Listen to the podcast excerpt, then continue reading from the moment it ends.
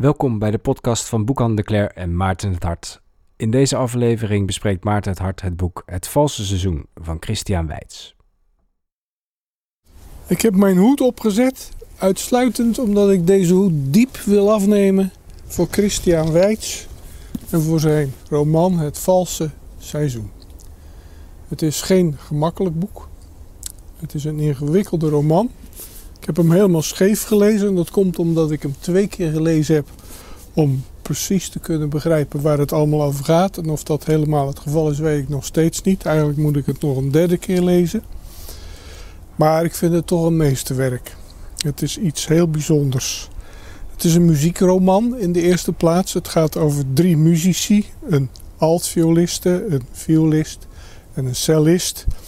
En om beurten vertellen ze hun verhaal met mooie symbolen weergegeven, die, echte, die sleutels ook uit de muziek gebruikt.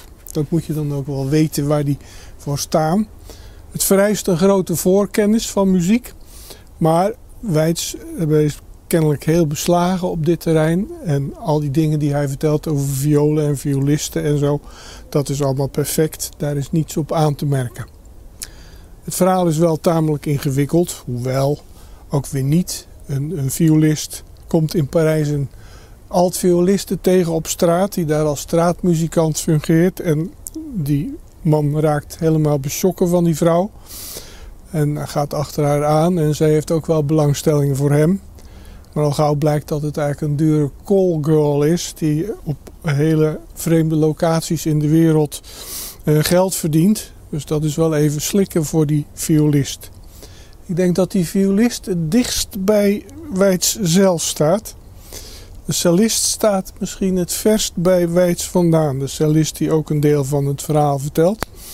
Die cellist brengt ook een soort suspense in het verhaal, een soort detective-achtig element.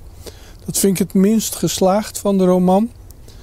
En een andere aanmerking die ik erop heb is dat Weitz hier en daar wel erg gaat preken en moraliseren. Hij heeft erg de neiging om de hele moderne wereld en de samenleving en wat vals en wat echt is, om dat allemaal uit te pluizen en daar van alles over te zeggen. Ik zou hier en daar van die preken wel een klein beetje geschrapt hebben willen zien. Maar als geheel is het toch iets heel bijzonders. Het is geen boek voor de uh, eenvoudige lezer, vrees ik. Je moet echt wel beslagen ten ijs zijn en ook wat van muziek weten. Maar als dat het geval is, dan is het zonder meer een meesterwerk.